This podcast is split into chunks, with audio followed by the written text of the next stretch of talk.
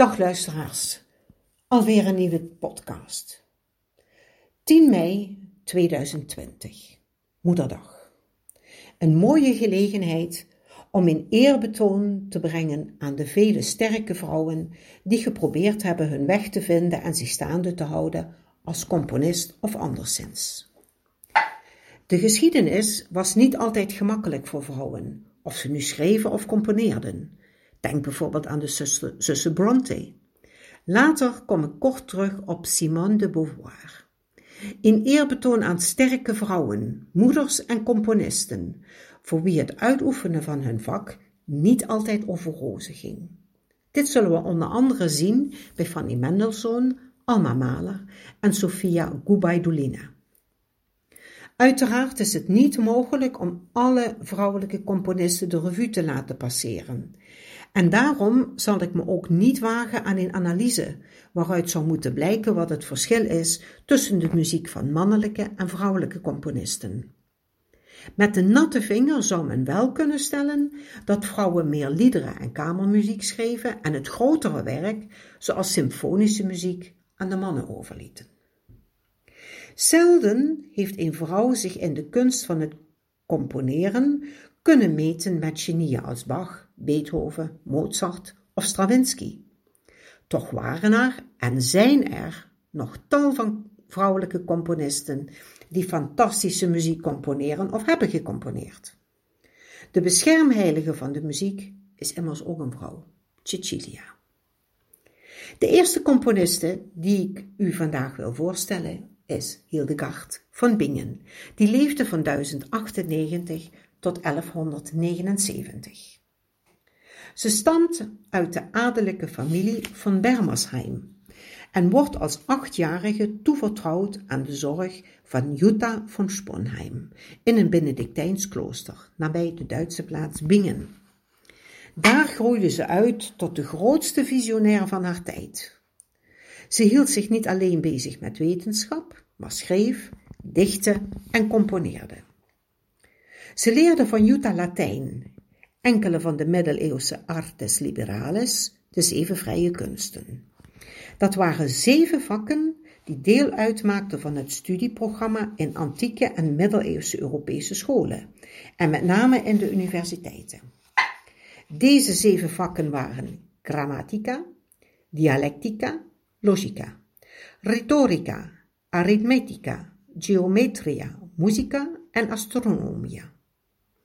Ze worden vrij genoemd omdat zij de opleiding van de vrije mens beogen. Het lezen en interpreteren van de psalmen en andere bijbelteksten en de liturgie en regel van Benedictus. Dit is de kloosterregel van de heilige Benedictus uit de zesde eeuw. Het was in de middeleeuwen de beroemdste en invloedrijkste leefregel voor monniken. Met name de Benedictijnen en Cisterciensers, inclusief de Trappisten, volgen de regel van Benedictus. Al op haar vijftiende jaar legt Hildegard de gelofte af. Als Jutta in 1136 sterft, neemt Hildegard de leiding van de vrouwengemeenschap over en wordt abdis. Al zeer jong, op haar vijftiende jaar, legt ze haar gelofte af.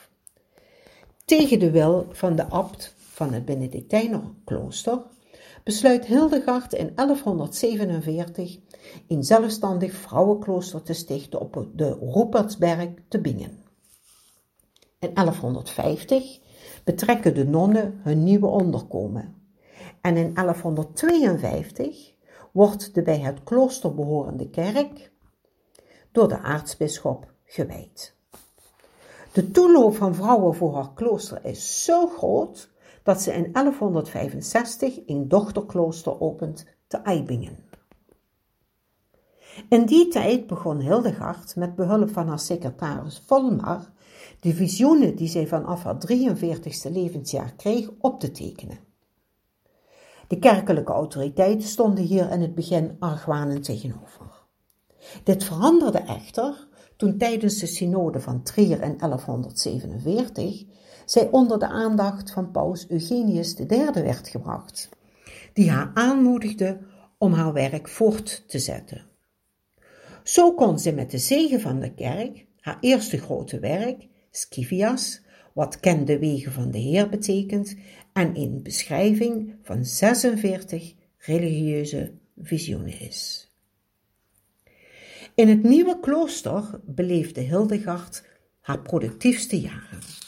Daar componeerde ze de muziek die haar tegenwoordig opnieuw beroemd maakt. Al relativeren sommigen de uitzonderlijkheid van haar werken. De invloed van Hildegard nam ondertussen in hoge vlucht.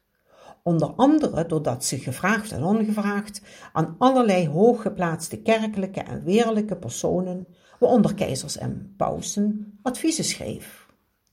Bedenk hierbij de tijd waarin ze leefde. Verder was ze bevriend met verschillende andere, later heilig verklaarde personen, zoals de heilige Gerlach van Houten. Aan het einde van haar leven kwam ze in moeilijkheden doordat ze in geëxcommuniceerde kennis en gewijde grond had begraven.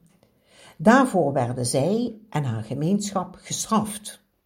En de straf voor het klooster van Hildegard was het verbieden van het gezongen koorgebed, het opdragen van de heilige mis en het verbod op het luiden van de kerk.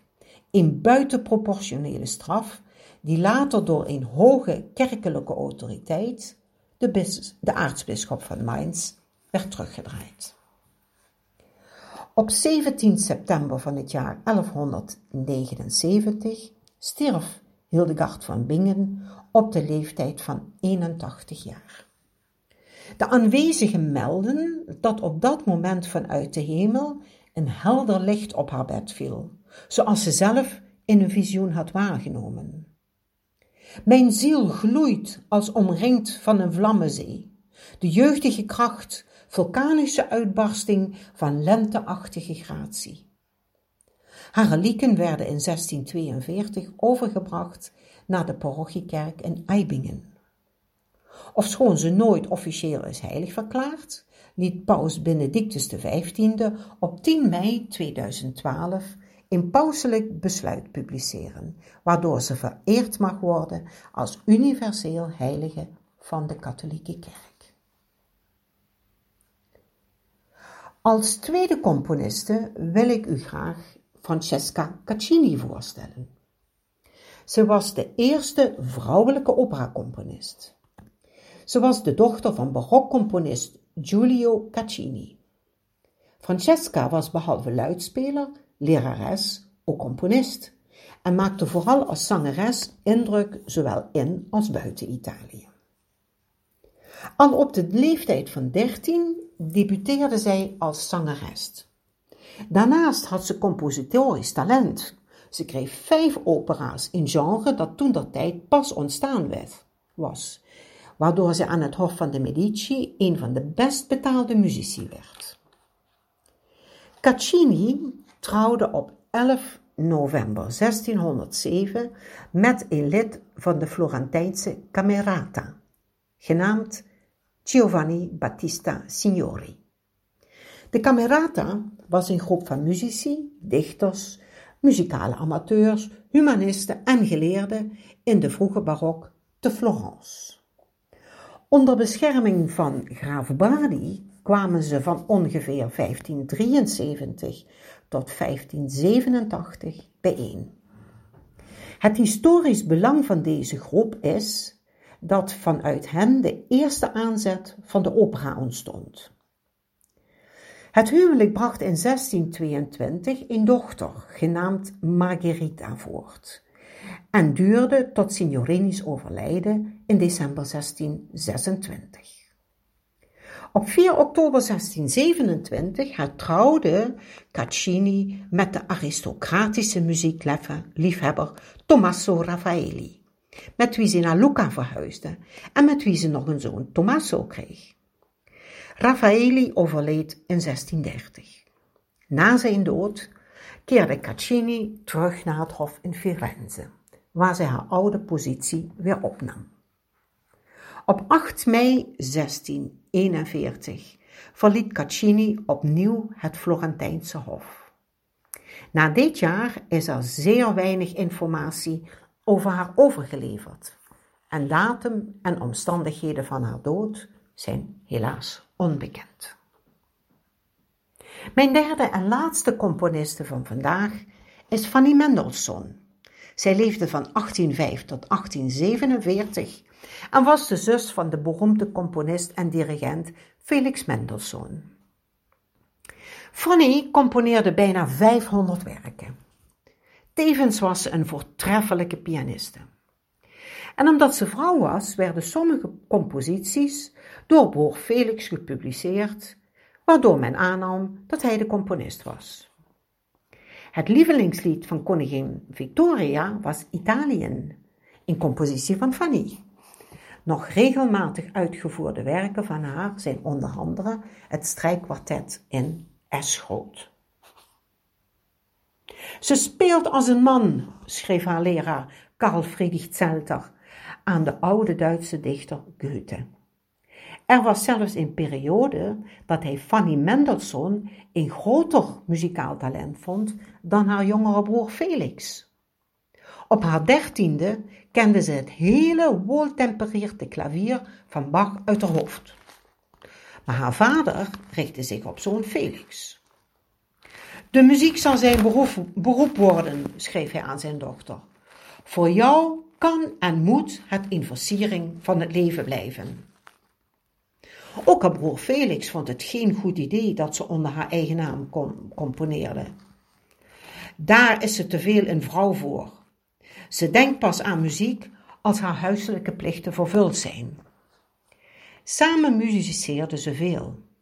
En sommige van Fanny's werken kwamen onder Felix' naam op de markt. Tijdens een bezoek aan de Britse koningin Victoria op Buckingham Palace wilde de vorstin haar favoriete lied van hem zingen. En Felix moest beschaamd erkennen dat het door zijn zus geschreven was. Haar werken werden ten gehoor gebracht bij familieconcerten. En haar echtgenoot, de schilder Wilhelm Hensel, moedigde Fanny aan te blijven componeren. Ze bleef een belangrijk muzikaal klankbord voor haar broer. In 1846 besloot ze, buiten medeweten van Felix, enkele liederen uit te geven als haar opus 1.